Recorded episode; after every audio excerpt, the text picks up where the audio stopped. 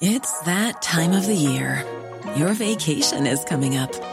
You can already hear the beach waves, feel the warm breeze, relax, and think about work.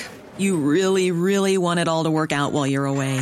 Monday.com gives you and the team that peace of mind. When all work is on one platform and everyone's in sync, things just flow wherever you are. Tap the banner to go to Monday.com.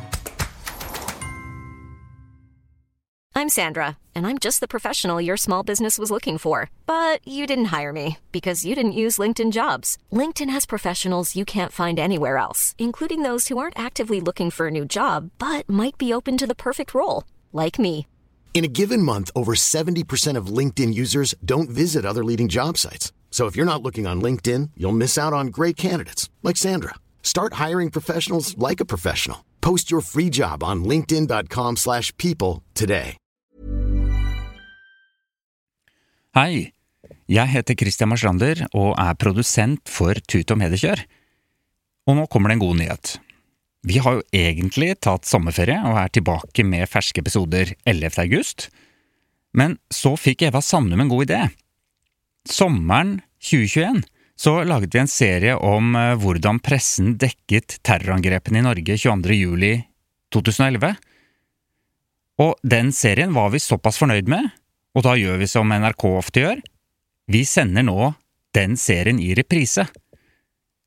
Du kan jo så klart selv scrolle deg ned og finne frem til episodene i feeden vår, men det skal du slippe. Det er jo tross alt sommerferie. Vi gjør scrollingen for deg. Så her kommer andre episode av Tut og Mediekjørs sommerspesial fra 2021. Var bildene i 22. juli-dekningen etisk forsvarlige? Terrorangrepet på regjeringskvartalet og Utøya skjedde midt i sommerferien for ti år siden. Hvordan var det å dekke dette dramaet for journalistene, og hvordan var det for de overlevende og pårørende og etterlatte å møte mediene? 22. juli er det verste som har skjedd i norsk fredstid. Hvordan klarte pressen seg? Sto de sin prøve? Hvilke vurderinger ble gjort? Det lurer vi på i denne sommerspesialserien av Tut og Mediekjør. Det er episode to, eh, og vi snakker i dag om bildene. Bildebruken, og om det ble publisert bilder som ikke burde blitt publisert. Men like mye om det finnes bilder som burde blitt publisert. Um, Det gjør vi. Eva Sandum, velkommen. Tusen takk, Svein Tore Bergestuen. Du hører at når jeg prater om alvorlige ting, så kommer den der nyhetsstemmen krypende. Jeg hører det. Mm. Du, Ja. Svein Tore. Ja. Jeg har et spørsmål til deg. Ja. Hva er det første du tenker på når jeg sier Anders Behring Breivik? Skøyen Ah, ja. det er det første jeg tenker på. Eh, jeg vet ikke hvorfor. Eh, sjokket at det var en høyreekstrem, hvit vestkantfyr Mm. med sleik, provoserte meg selvfølgelig.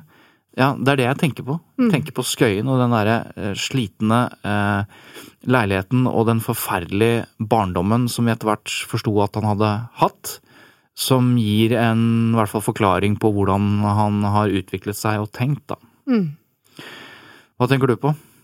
Nei, jeg tror det som eh, har festa seg, er det derre litt sånn selvgode ansiktet, eh, som eh, ikke veik i det hele tatt, eh, selv i ettertid, da. Eh, som på en måte hele tiden utstrålte en sånn null anger, eh, fornøyd med sin egen gjerning, eh, virka det som. Altså, jeg tror kanskje jeg husker mye av det fotomaterialet som han selv hadde produsert, Mm. hvor han fremstiller seg som en sånn eh, uniform, uniformert eh, Kriger. Ja. Ja. Og også en del sterke inntrykk fra rettssaken, husker jeg godt, da. Ja, Mm. og med nazihilsen og, og dette nærmest hånlige uttrykket i ansiktet.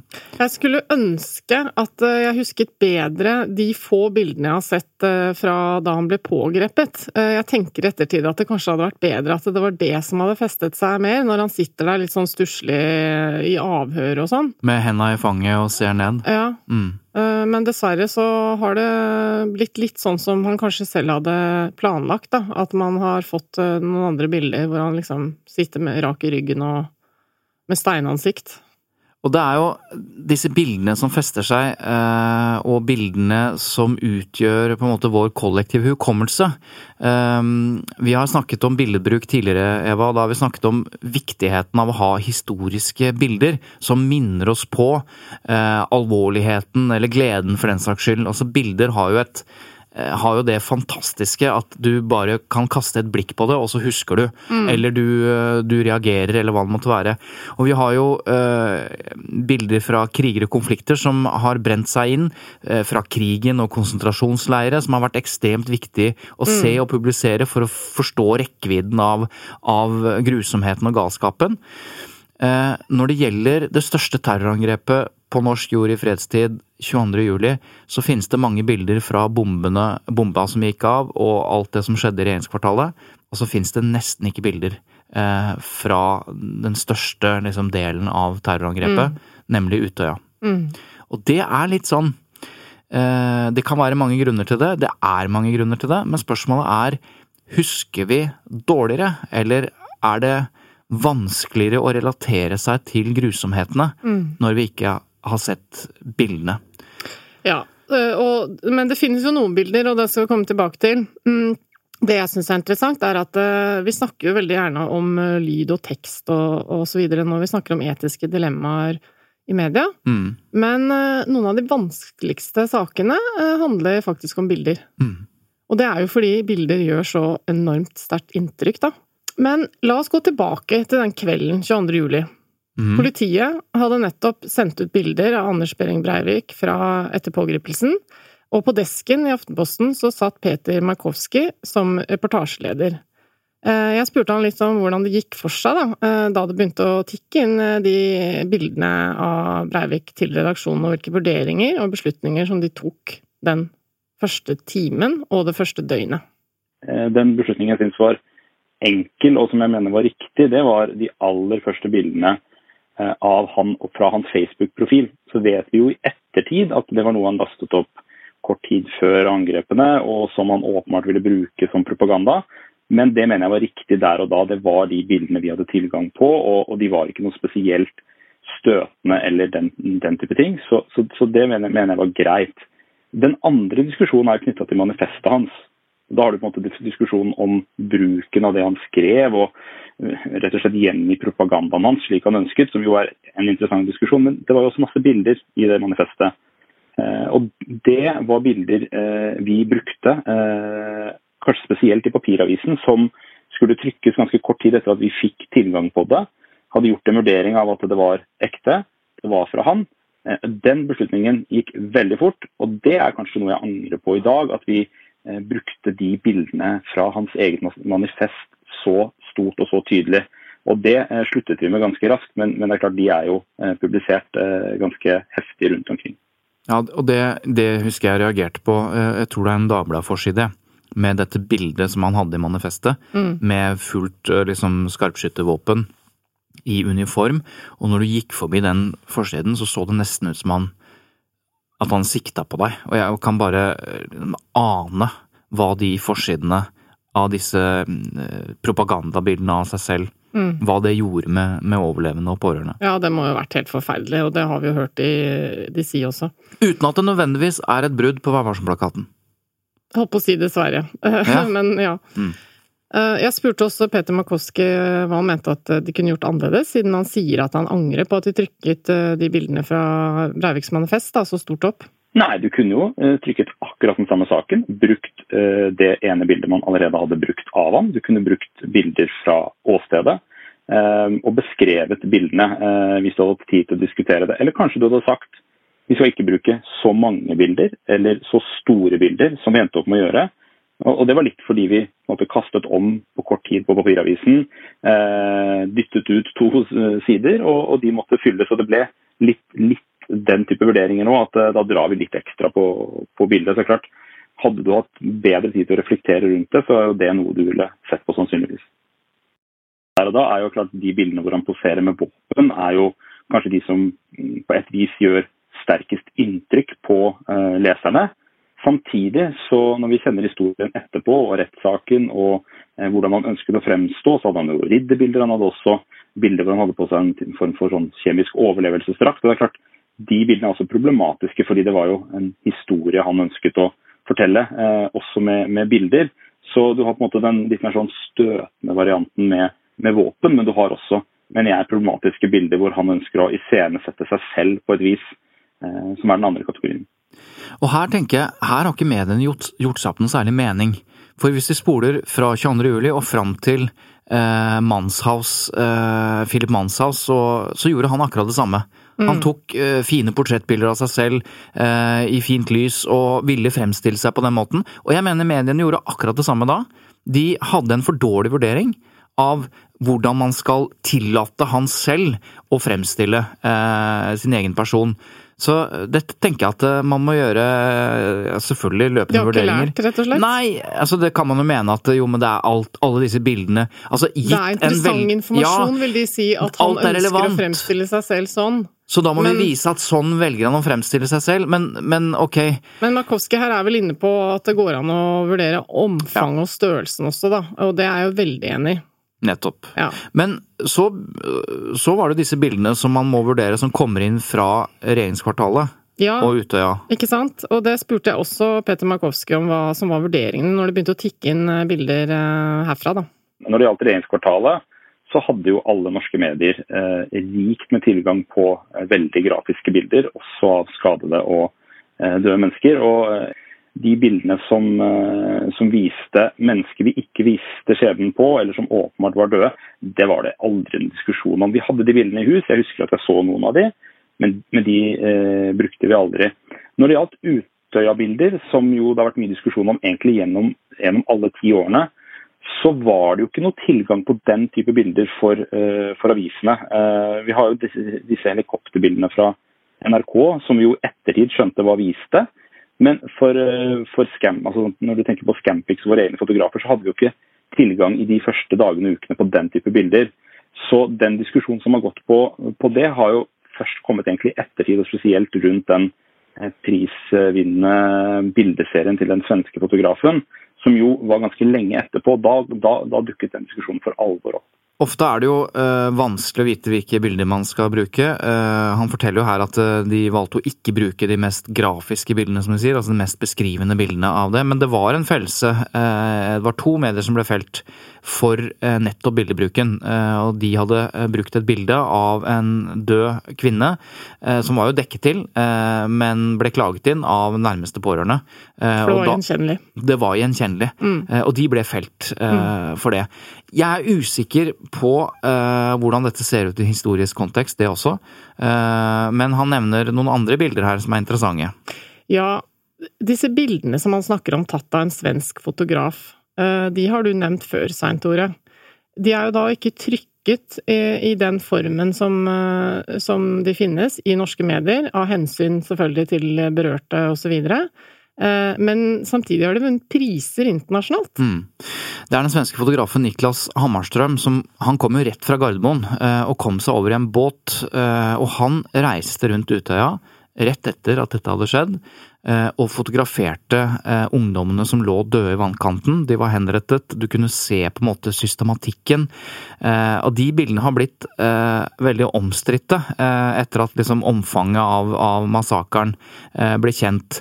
Og selv om han var den som var på en måte tettest på, så er det som du sier, eh, de bildene er ikke trykket i norske aviser. Mm. Av åpenbare grunner, fordi at presseetikken i Norge er jo sånn at, øh, Hensynet til pårørende Hensynet til pårørende, og derfor trykker man bilder av barn som er sprengt i filler i Palestina, fordi, det, fordi nærheten ikke er så stor. Mm. Altså det er en annen vurdering. Mm. Um, og det er, og det kan man si, det er, kan man forstå. Um, og når jeg nevnte de som ble felt, det var altså Dagsavisen og Stavanger Aftenblad som som ble felt for, for, å trykke dette bildet av den døde kvinnen foran høyblokka. Men det som er interessant, er at det har oppstått en diskusjon. ikke sant? Sitter vi med det riktige minne. Mm. Altså sitter vi med de riktige bildene. Um, det er jo mange som har sagt at vi mangler bilder for ettertiden når det gjelder uh, Utøya. Um, og det er en, det er en, en forsker uh, som, har, uh, som, heter Ann Hege Simonsen. Hun tok en doktorgrad på pressebildene, tragediens bilder, som ser på, på bildebruken i 22. juli. Og hun sier at hun sier til Nå vet jeg ikke helt hvor hun har sagt dette, men jeg fant det fra 2015. Og hun sier rundt Utøya er det et hull. Mm. Eh, antagelig er det ganske grusomme bilder som savnes, men dette her er bilder som kunne fortalt mer om hva faktisk som skjedde, da. Eh, og som hun sier, og det er litt viktig, det er jo ikke noe uetisk ved at slike bilder eksisterer. Men det kan være uetisk å publisere de eller bruke de feil, da. Um, og dette har vært en diskusjon, vi har vært inne på det i Tut og Mediekjør. Ja. Jeg begynner å helle til at disse bildene er det som mangler. Men mener du ikke da at uh, hvert enkelt bilde så må man identifisere hvem er det som ligger der død, og så må de eh, nærmeste pårørende av hvert enkelt tilfelle eventuelt godkjenne at det er greit? Det er én måte å gjøre det på. Jeg mener at det, det vil jeg tenke at det, ja.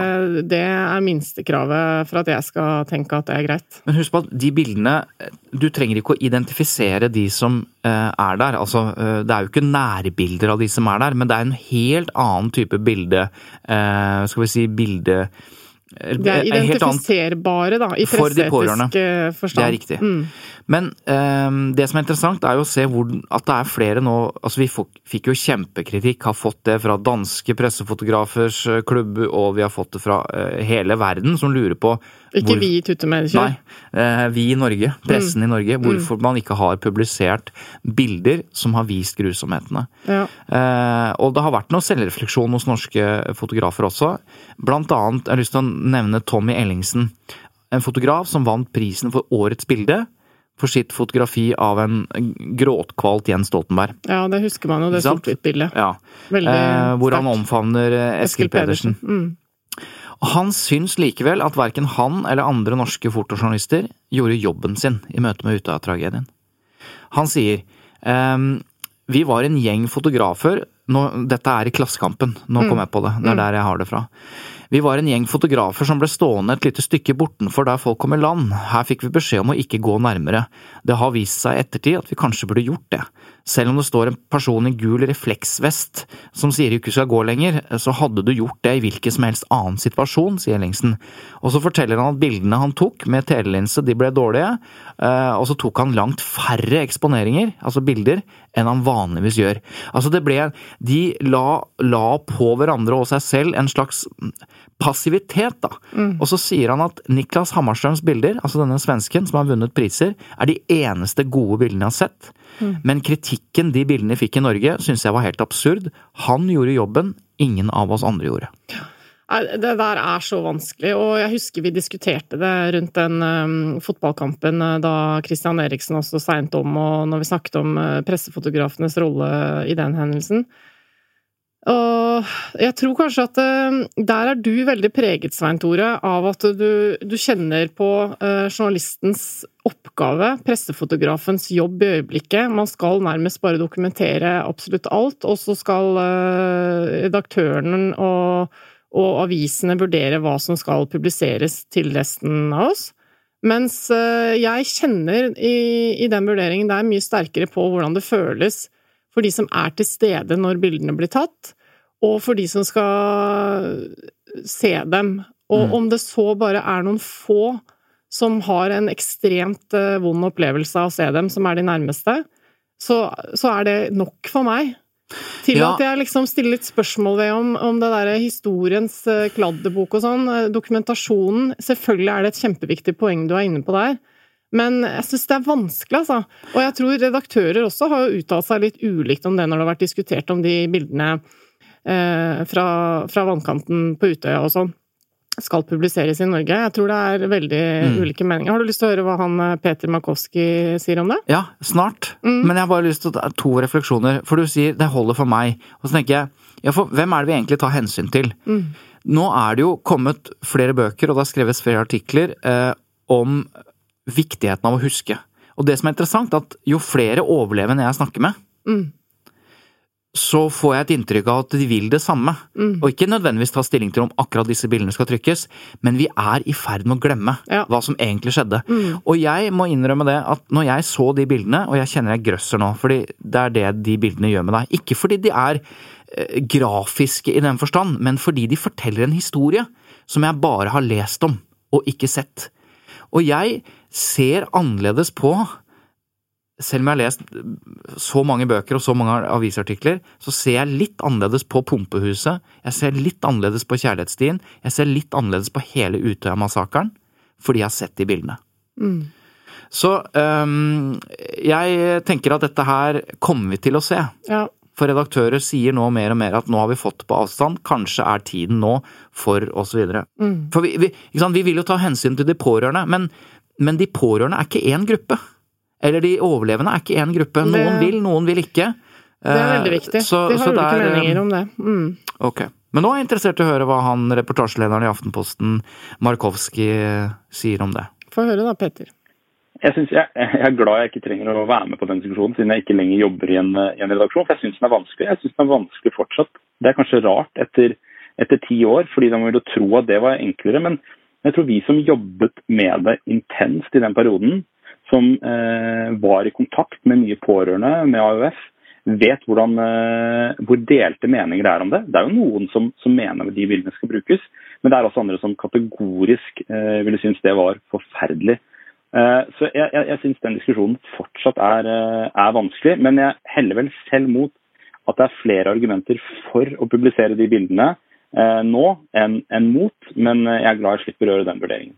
Ja, og det, det er dette han sier som jeg tror nå, øhm, og det er jo helt riktig, øh, at man øh, må ta disse avgjør... Man må ta disse avgjørelsene både der og da, i ukene etter, i årene etter, øh, og nå er det ti år. Eh, og det er en stor diskusjon om, eh, om vår kollektive hukommelse, og der er bildene viktig. Mm. Så vi får se. Mm. Men eh, dette berøres jo eh, i Vær varsom-plakaten. Eh, altså det er mange punkter som handler bare om bilder. Ja, eh, det er jo færre som handler om bare bilder, men eh, veldig mange av punktene gjelder jo også bilder. Mm. Ikke sant? Eh, Det er en del punkter som handler om varsomhet eh, med navn og bilde osv., og, så videre, og klare identifikasjonstegn, da, men det er jo ve veldig ofte omtalt når det handler om klanderverdige eller straffbare forhold, ikke nødvendigvis som ofre. Men identifiserende omtale kan jo føre til urimelig belastning for tredjeperson sånn på generelt grunnlag, altså berørte. Så det skal jo tas hensyn til. Og så er det egne punkter som handler om, eh, om når barn omtales, eh, Mm. så er det viktig å ta ekstra hensyn.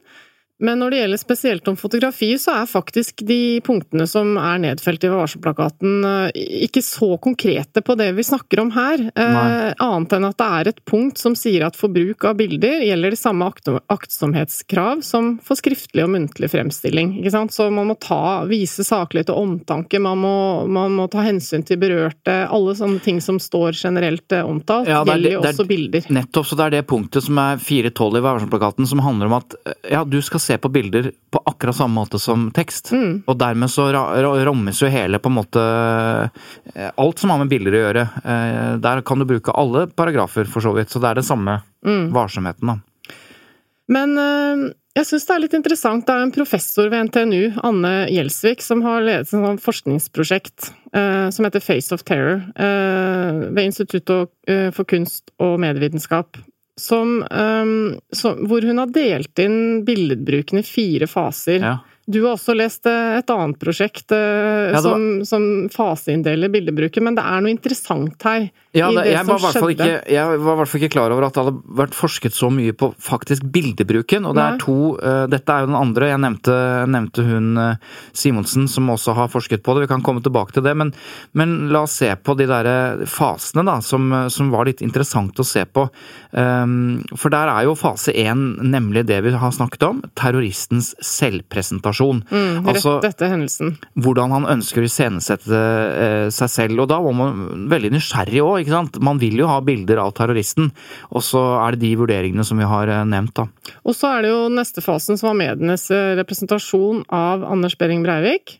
Ja, ikke sant. Da handler det om uh, muligheten man faktisk har til å ta bilder av Breivik. Det er jo et bilde jeg husker veldig godt, og det er bildet av han i denne pansrede bilen til og fra fengslingsmøtet. Altså ikke rettssaken, for det kom jo uh, mye seinere, men det ble jo tatt bilde av han, du vet sånn bi, inni bilbildet. Ja, og hvor han blir fremstilt som en kriminell. Altså, jeg på å si endelig, da. Etter at man da har sett altfor mye av de selvforherligende bildene som man selv hadde iscenesatt. Ja, og ikke minst bildet av, av, fra avhøret på Utøya. Det er også et sånt Ja. type bilde.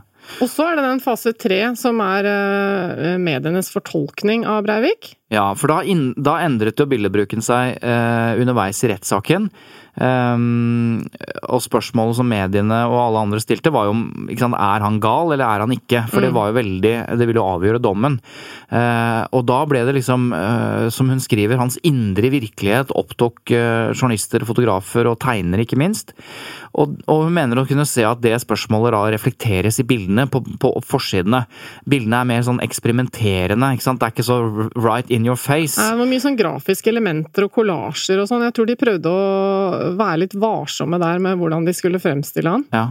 Så det var tredje fase. Og fjerde fase? Det er forsøket på å glemme mm. hvem han er. Altså, mm. For da skjønner jo alle at det er for mye. Det, diskusjonen rundt navnet hans, bare. At man skulle ikke si Anders Behring Breivik, man skulle si ABB eller bare terroristen. Ja, sånn, er, mm. sånn, er, det jo fortsatt i dag. Eh, men da men, eh, men, men det var rundt domsavsigelsen i august, det da. Ja, for da går bildene inn i en fjerde fase.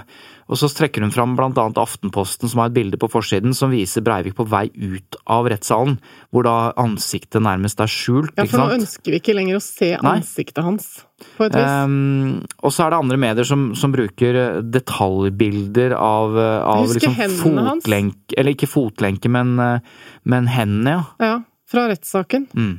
Foldede hender, som var på forsiden, tror jeg. Mm. Så det her er ønsket om å, å, både, som vi har snakket om, bildene skal hjelpe oss å huske, men, men, på sett og vis så skal de også hjelpe oss til å glemme, da. Og det er mm. interessant hvordan, um, hvordan det der Ja. Så det er de men, fire fasene hun deler inn dette her inn, da. Men eh, det jeg må si er at eh, jeg husker jo veldig godt utseendet eh, til Anders Behring Breivik. Jeg har et veldig tydelig bilde av hans At han fremstår sånn som han selv ønsket. Mm.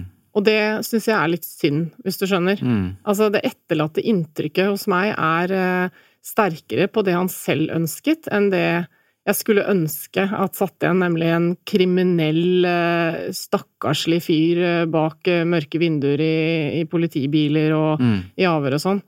Så et eller annet har jo skjedd der, da, med omfanget.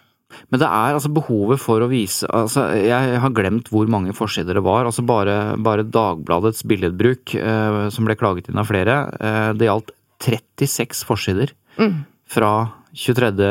juli til eh, september året etter. Altså 27 forsider hvor, hvor, hvor da Breivik var hoved, hovedoppslaget. Um, og det er Så det er, noe, det er ikke noe rart at Altså, dette var jo alt fra dette gallaantrekket var inne på, til, til, til, disse skytebildene eller ladegrep, eller hva det måtte være. Det jeg lurer på, er om det massive personfokuset rundt Breivik At det gikk litt på bekostning av det politiske aspektet i terrorhandlingene, hvis du skjønner? At det, det var en fase hvor det handlet så mye om han, eh, og at han var gal, og han gjorde helt forferdelige ting Eh, med kaldt blod videre, men at man liksom At det tok litt tid før man eh, fikk tatt inn over seg hva det var han representerte. Er du ja, enig i det? Ja, og da er vi inne i en, en av de største diskusjonene som pågår akkurat nå, etter, etter han Notakers bok om, om Arbeiderpartiet 22.07, hvor det har vært et ønske fra deler av Arbeiderpartiet å tydeliggjøre at dette her var ikke et angrep på Norge. Det var det òg, men det var, ikke et, det var ikke et terrorangrep som rammet demokratiet bare. Det var et helt målrettet angrep mot arbeiderbevegelsen, mot AUF og mot, mot Arbeiderpartiet. Um, og det er også noe av dette handler også om billedbruk, ikke sant. At hva er det man egentlig altså Fremstilles han som en gal mann? Mm. Og bare det? Men ikke gal nok til at han ikke blir dømt, for det ville vært forferdelig. Men gal nok. Eller er det ideologi? Ikke sant? Er det, er det høyreekstrem ideologi hvor han har hentet inspirasjon fra alt fra Fjordmann, som jeg har diskutert, til, til andre høyreekstreme? Um, og vi vet jo det, ti år etter, så vet vi at hans tankegods mm. deles av veldig eh, mange. Altså alt er relativt, men altfor mange. Ja, det har jo inspirert andre terrorangrep. Ja, ikke bare det, ikke sant, men det, men det er eh, altså Dette vet jo AUF-ere som overlevde. De får jevnlig meldinger om at de burde blitt drept på Utøya. fordi de representerer en type politikk som åpner for kulturelt mangfold. Eller et, Sånn at det, dette tankegodset um, har det blitt fokusert antageligvis for lite på. At dette ikke bare var et, en gal manns verk. Og det mener jeg at har noe å si for ja, hvordan man fremstiller den også billedlig, da. Mm.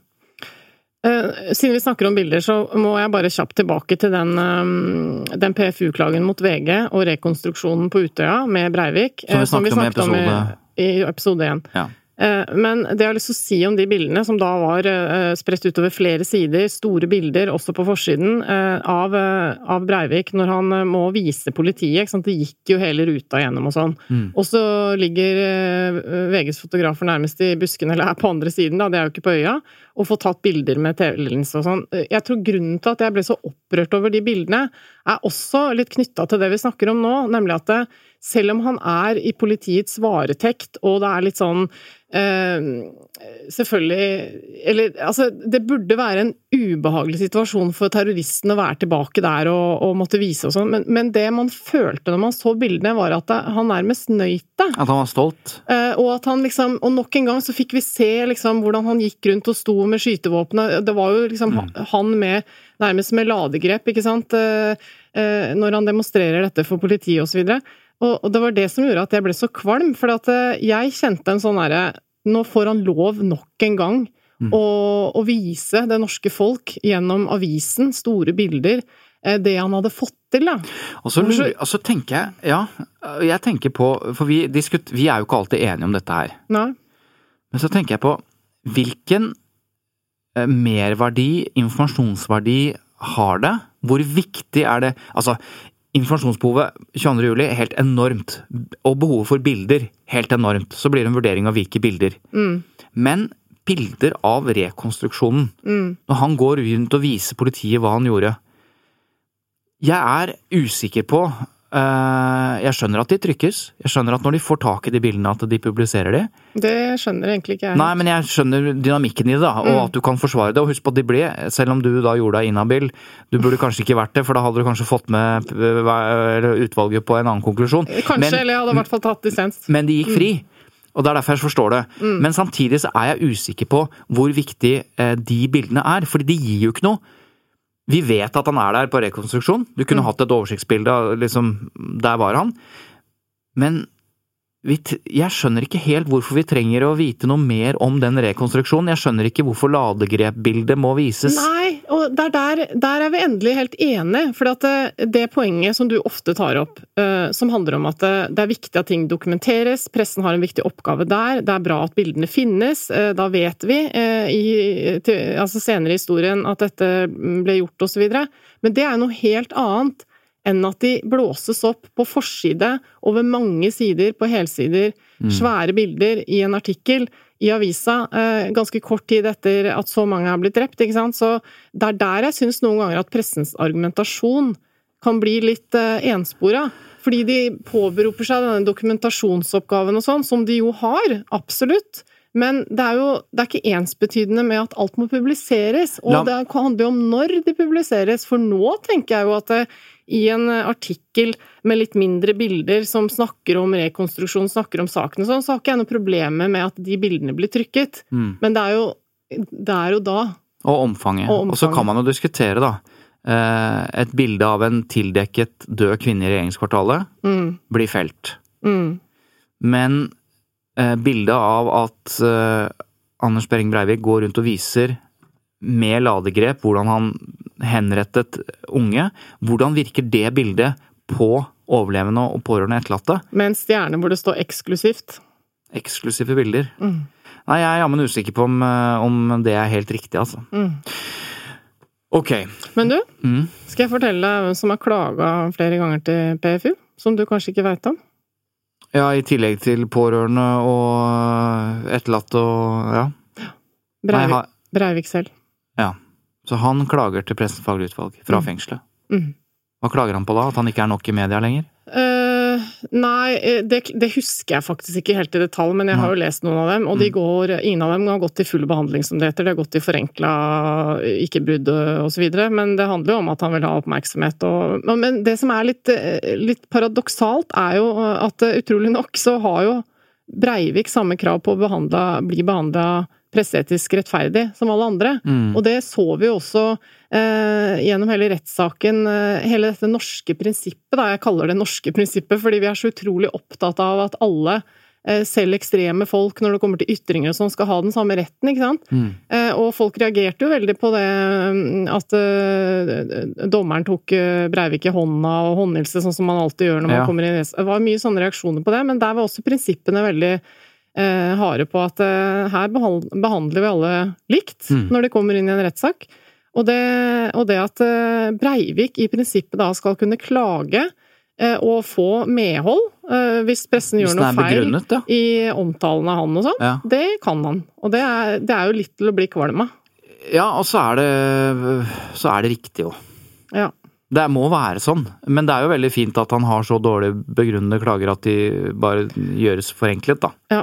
Men en ting eh, som vi ikke har snakket om, er at eh, det, det, var jo, som du har sagt, eh, ikke så mange reportere og fotografer i vannkanten når de første overlevende kom svømmende over, så der mangler vi litt dokumentasjon. Men NRK hadde et helikopter ja. som svirra over eh, Utøya, og tok bilder fra det helikopteret mens terroraksjonen pågikk, faktisk. Men uten at NRK på det tidspunktet var klar over hva, de, som faktisk foregikk der nede? Nei, de visste ikke hva de tok bilde av. Det gjelder jo flere som tok bilder av både helikopteret, eh, men også bilder med telelinse på avstand, eh, hvor man ikke var klar over helt hva man faktisk hadde i søkeren. Nei, hva det det, nettopp det, for det var så langt unna, ja. Var så langt unna. Men det var jo mye Det var jo litt eh, Altså, det helikopteret til NRK, det ble diskutert ganske heftig mm. i flere sammenhenger. Det ene er at hvor Altså, vi har jo hørt fra overlevende som trodde at det helikopteret var der for å redde dem, ja. f.eks. Mm. Eh, og nettopp Det er flere av telefonsamtalene hvor de, hvor de sier det. 'Nå hører ja, jeg helikopter'. Nå hører jeg helikopteret. Mm. Eh, og, og, som jo vi vet, politiet hadde ikke noe politihelikopter, men liksom, det var et helikopter der. Nå er det stor forskjell på helikopter, så det helikopteret som var på NRK kunne ikke bare lande og plukke opp folk, altså. Men det er, det er jo et paradoks der også, at det er pressen som er i helikopter og tar bilder, mens eh, politiet ikke hadde den type beredskap. Eh, men det ble diskutert også, den billedbruken eh, der. Men den er jo med på Den billedbruken syns jeg også var med på å dokumentere vikt, altså, viktig dokumentasjon da, på, på det der. Mm. Du, en annen ting som vi skal snakke om uh, i dag, er jo det faktum at uh, dette skjedde midt i sommerferien. Mm. Akkurat som vi er i nå. Og i sommerferien så er det jo mye vikarer på jobb i redaksjonene. Uh, de har mindre erfaring, mm. rett og slett. Ja, altså det er flere vikarer på jobb i norske redaksjoner enn det er vikarer på andre arbeidsplasser. Sommervikarer er jo en egen greie, det egentlig, det er en kultur. Det er, det er en sånn institusjon. de får erfaring eh, ja. tidlig etter utdannelsen. For det første så er eh, journalistlaget til journalistene de har forhandlet fram gode rettigheter. Eh, og det betyr at journalister har sommerferie. De har lang sommerferie. ja, jo, men sånn er det. Ja. Uh, og så må det være, for det er et høyt uh, trykk uh, ellers i året. Mm. Um, så det har alltid vært sånn at, at, det har vært mulig å bli sommervikar i ulike redaksjoner. Og det er som du sier, det er en utklekkingsanstalt anstalt for, for journalisttalenter og spirer, hvor de henter folk fra journalistutdanningen osv. Så, videre. mm. så sånn er men det jo. Men også noen som kanskje ikke har full journalistutdannelse, da, det skal sies. Ja, da. Og som ikke nødvendigvis har studert Vær varsom-plakaten så nøye som de som har jobba i noen år. Det er riktig. Mm. Så du får da, i alle ferier, så får du vikarer på jobb. Mm. Uh, og det har vi hørt mange redaksjoner uh, snakke om, at, uh, og det gjelder ledere òg, ikke sant. Sånn at det er ikke så veldig mange som er på jobb. det er et lavt nyhetstrykk om sommeren vanligvis, og det er jo agurknyheter og du vet badetemperaturer og istester og det, det, sånne ting. Og når det skjer da store, alvorlige eh, Sånn som dette tilfellet, det største terrorangrepet eh, Men eh, du har også sett det tidligere, i juleferien. Tsunamien var i juleferien. Ja. Der var det også sommervikarer. Ja. Eh, Gjerdrum-saken. Masse vikarer også skjedde i romjula. Ja. Sånn at når ting skjer da eh, Men så er det jo sånn at journalistenes eh, gen er jo også sånn at når det først skjer, så kommer det mange som er på ferie. Du hører jo om det at de reiser ja, hjem osv. Det, det er sant. Men de Men, første som kommer, har du vært sommervikar, eller? Eh, jeg var så ung da jeg fikk jobb eh, i pressen at jeg rakk aldri å være sommervikar. Men, du gikk rett inn i men, men jeg, har, jeg, har, tilsvarende opplevelser. Jeg har kommet til et eh, forferdelig grusomt drap på en ung jente. Da var jeg jeg tror jeg var 20 eller 21, mm. og reiste aleine opp for å dekke det drapet mm. på Vestlandet. Mm. Uh, så jeg har opplevd det der å ikke være eh, voksen nok for oppgaven. Uh, og det vet vi også skjedde her. Mm. For man sender det man har. Uh, og Kadafi Saman, som vi snakket med, eller jeg har hørt fra første episode, han og Yvonne Fonnes på TV 2 var blant de erfarne, mens det var mange vikarer på jobb overalt. Peter Markowski, som vi hørte fra tidligere. Reportasjeleder i Aftenposten. Ja, han gjorde seg også noen erfaringer rundt dette med sommervikarer. Eh, og jeg spurte hvilke utfordringer det bøy på, da. Eh, at, eh, at, de som var rundt han når han skulle begynne å sende ut folk, rett og slett var sommervikarer. Ja. Ja, den første utfordringen er jo i de aller første minuttene etter at bomben smalt. Fordi vi ante jo ikke hva det var, som alle andre. Man hørte et stort smell, også der vi jobbet, i Postgirobygget. Eh, og da eh, sendte jeg ut den eh, nærmeste personen jeg hadde, og det var en sommervikar. En veldig flink sommervikar. Og hun dro ut og, og ringte jo inn etter bare noen få minutter. Og da skjønte jeg jo at hun, ja, hun så jo hardt skadede og lemlestede mennesker, døde mennesker. Og da var det jo en enkel avgjørelse å kalle henne tilbake og få sendt ut noen som, som har mer erfaring det arbeidet. Det er klart det å eksponeres for det var veldig tøft. Og Derfor spurte han også hva Aftenposten gjorde, både for å sørge for at journalistene klarte å forstå hvordan vi der hjemme hadde det, eh, vi som skulle motta eh, alle disse forferdelige nyhetene, eh, og om de gjorde noe annet, rett og slett, for å beskytte de ansatte, da, altså de mm. journalistene som også ble eksponert for veldig sterke inntrykk. Ja, ja, jeg hadde jobbet døgnet rundt i, uh, i, tre dager. Jeg hadde ikke vært ute i Oslos gater. Jeg hadde ikke sett uh, Rosa. Vi hadde sett bilder av det. Jeg hadde sett på TV-nyhetene, men jeg hadde ikke vært ute i gatene. Jeg hadde ikke kjent på den stemningen som var, som er umulig å gjenskape og nesten umulig å gjenfortelle med en sånn stille sorg og verdighet som, som var rundt i gatene. Men eh, poenget var at det hadde ikke jeg eksponert meg for. Eh, og da sa sjefen min at eh, nå har du sittet her eller sovet hjemme, det er det eneste du har gjort. Nå vil jeg at du tar deg en time og bare går rundt i sentrum og tar inn over deg hvordan stemningen er i Oslo og blant folk. Det vil gjøre beslutningene du og vi tar fremover riktigere og bedre når vi er i samme stemning som, som de der ute. Det synes jeg var en veldig klok beslutning fra Aftenposten. Egentlig med en gang, jeg lurer på om i løpet av noen eh, dager, så ble det obligatorisk eh, oppfølging med psykolog hos alle, eh, på alle som hadde vært på jobb den dagen. Det var selvfølgelig et frivillig tilbud til, til alle som ønsket det, som var ansatt i Aftenposten, men det var obligatorisk for, for de av oss som var tettest på. Og Det vet jeg var nyttig for mange, og mange fortsatte. Noen syntes det var nyttig med en samtale. Men det å gjøre det obligatorisk, ufarliggjøre det, mener jeg var en veldig klok beslutning. Eh, som, eh, som Aftenposten tok med en gang. Jeg syns det rådet han fikk fra sjefen sin om å gå ut og rett og slett bare liksom suge inn stemningen eh, i Oslo og i Norge for journalister Altså generelt selvfølgelig veldig viktig her etter 22. juli, men sånn generelt i andre sammenhenger òg, hvor viktig det er at reportere og journalister og pressefolk liksom forstår hvordan folk der ute har det. At ikke man blir mm. sittende inne i sånn bobla eh, om å være først. Hva sier de andre konkurrentene våre? Altså hvor mange klikker på sakene? Og at mm. man blir liksom blind for eh, hvordan det ser ut i andre enden. Da. Det syns jeg var et veldig godt råd. Mm. Og så er det jo godt å høre at de har fått eh, hjelp. For det, eh, det, er klart, nå må vi passe på å si at det fantes folk som ble utsatt for mye verre ting enn journalistene som kom til åstedet. Men allikevel så skal man ikke kimse av eh, hvilken belastning det er som journalist å, å, oppleve og se de grusomme tingene som de gjorde den dagen. Nei, vi må, vi må kunne klare å både tenke Man kan, må tenke på det samtidig som vi ikke glemmer hvem som selvfølgelig har, har opplevd, det, her, ja. har opplevd det verste. Men, men, det er interessant fordi det har skjedd ekstremt mye på de siste 20 årene. Også for så vidt på de siste 10 når det gjelder eh, det, hva skal vi si, å ivareta eh, folk på jobb. Da. Altså i i nødetatene så har de, har de hatt tradisjonelt en mye bedre, eh, kanskje naturligvis, ikke sant. Når du er ambulansesjåfør så, eh, så har du et opplegg eh, både før og etter du ser grusomme ting. Altså, du har en opplæring og du har en, et, et, system som ivaretar dette. Journalister har tradisjonelt ikke hatt det. Ikke sant? Der, der, har holdningen vært sånn at hvis du ikke takler jobben din, så får du finne på noe annet å gjøre, liksom. De, hvis du ikke takler å se mennesker eh, dø, så ja, så mm. slutt å ta bilde av det, finn deg noe annet. Men så har man jo forstått og, og at dette her går utover helsa.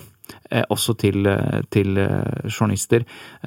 Og Trond Idås, som er rådgiver ved, ved, i Norsk Journalistlag, har jo, har jo, også forsket på dette, med utgangspunkt i tsunamien, men også sett på, på 22. juli. Og de har nå laget en, en slags veileder da, til, mm. til, journalister, som er ganske interessant, som er akkurat det vi snakker om nå. Mm. Først så sier de noe om kjennetegnet ved kriser. Det skjer jo da åpenbart overraskende. Og så, og så rammer det lokalmiljøer. Det er også viktig. Sånn som Gjerdrum. Det er du, du, du, får et veldig fokus på, eh, på lokalmiljøer. Og så skjer det ofte på tidspunkt, historisk viser det, med lav beredskap. Altså det skjer i ferier. Og det er jo litt kanskje tilfeldigheter også, men allikevel. Men så er det da selvfølgelig i tillegg til forberedelser, så snakkes det om risikofaktorer for stressreaksjoner. Altså hva som gjør at journalister eller fotografer eller sommervikarer kom på jobb. Eh, og, og, og, og, opplever noe som de tar med seg resten av livet, f.eks. Mm, mm. Og det handler om kjønn. Det er forskjell på kjønn. Eh, hvordan man tar, tar det inn. Mm. Eh, det er forskjell på livssituasjonen man er i. Nærheten til eget liv er viktig. Tidligere belastninger. Psykisk helse. Altså hvordan er du utstyrt når du drar, eh, drar ut på jobb, mm. og, ikke, og erfaring. Eh, og dette spiller noen rolle for, for risikoen for å utvikle posttraumatisk stress osv. Og, og det gjelder jo egentlig i alle sammenhenger det, i livet, ja. ikke sant? at folk er forskjellige, folk har med seg ulik bagasje. Det gjelder åpenbart også for journalister når de møter på noe sånt som det her, da. Og jeg, jeg, snakket med en journalist som, som, var en erfaren yrkesmilitær, som hadde vært i Afghanistan i krigen og sett uh, forferdelige ting. Mm. Uh, som jobbet uh, da i en avis da 22. juli skjedde, og kom til åstedet. og etter noen dager så, så, tenkte han at dette har jeg, så har jeg, sånn har jeg aldri opplevd. Dette er det verste jeg noen gang har opplevd. Mm. Og med det mente han da ikke å se det samme som han sett i krigen, men det å stå og intervjue en far å vite at datteren hans er død, mm. men han som han intervjuet, faren, visste det ikke. Han kunne ikke fortelle det. Så Den type belastninger altså det, For du skal jo ikke da være den som forteller det? Nei, nei, du kan jo ikke det. Enormt eh, overtramp. Den type eh, liksom, belastninger av å snakke med pårørende og sånn, det mm. opplevde flere journalister. Og tenk deg, og da hjalp det ikke med erfaring. Nei. Ikke sant?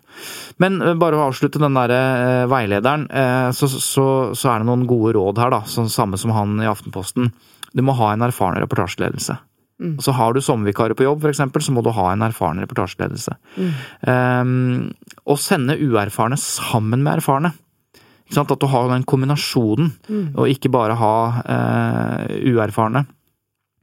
Ikke legge press på de som er i felt. Eh, for det, det, er også sånn, som du sier, gå ut i gaten og se hvordan det er.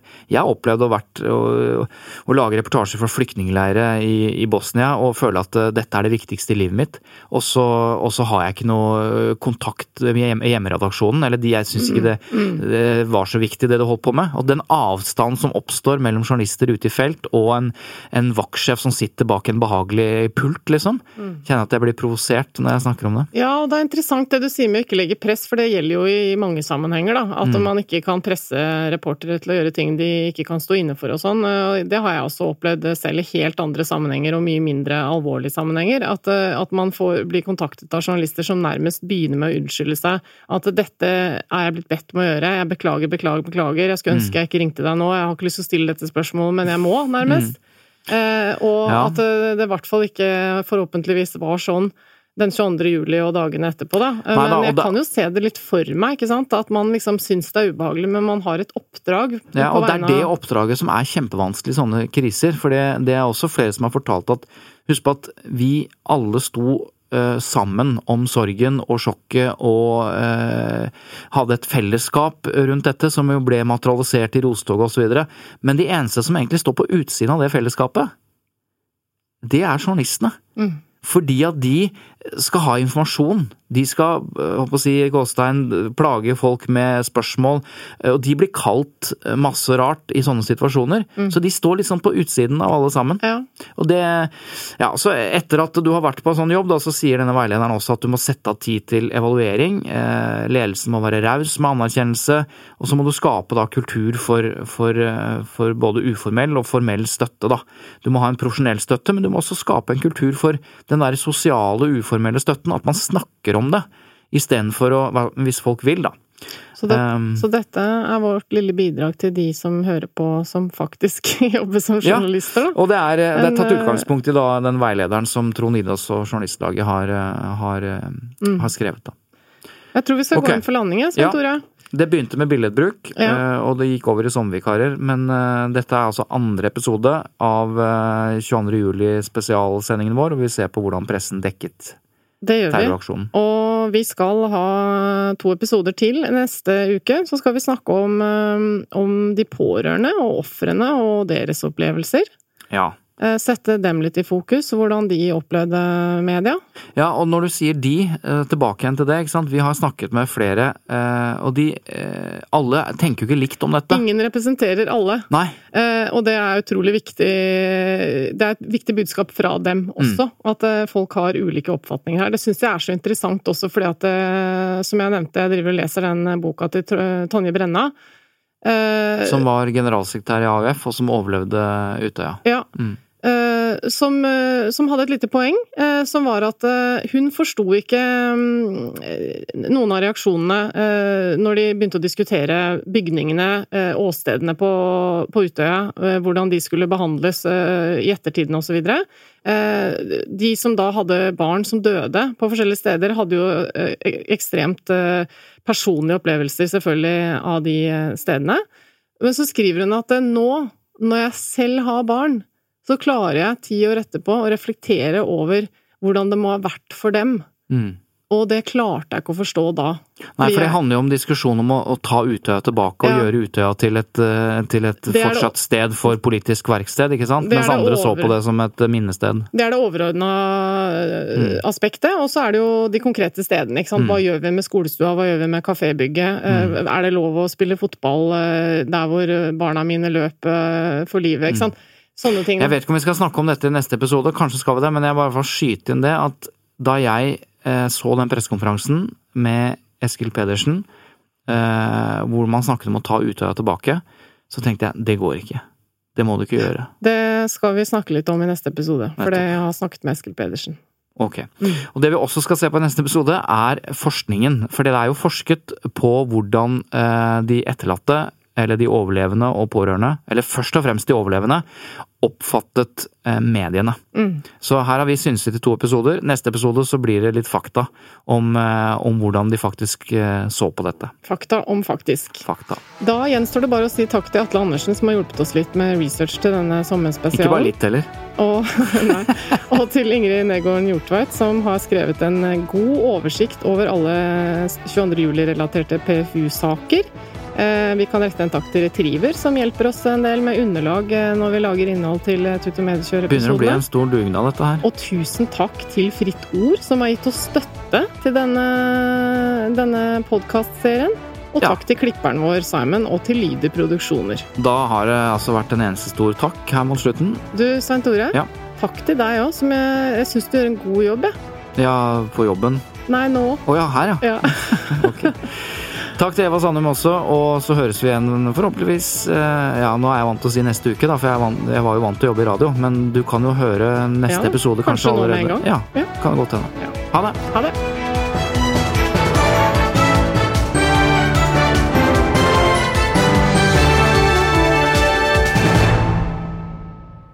Du har hørt andre episode av Tut og Mediekjør sin sommerspesial om medienes dekning av terrorangrepene 22.07.2011.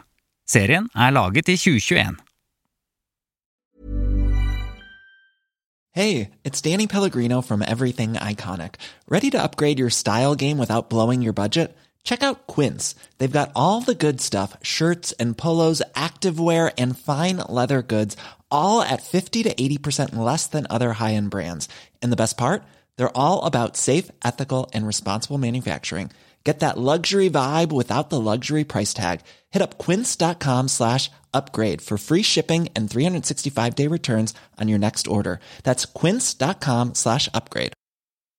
Hi, I'm Daniel, founder of Pretty Litter. Cats and cat owners deserve better than any old fashioned litter. That's why I teamed up with scientists and veterinarians to create Pretty Litter. Its innovative crystal formula has superior odor control and weighs up to 80% less than clay litter.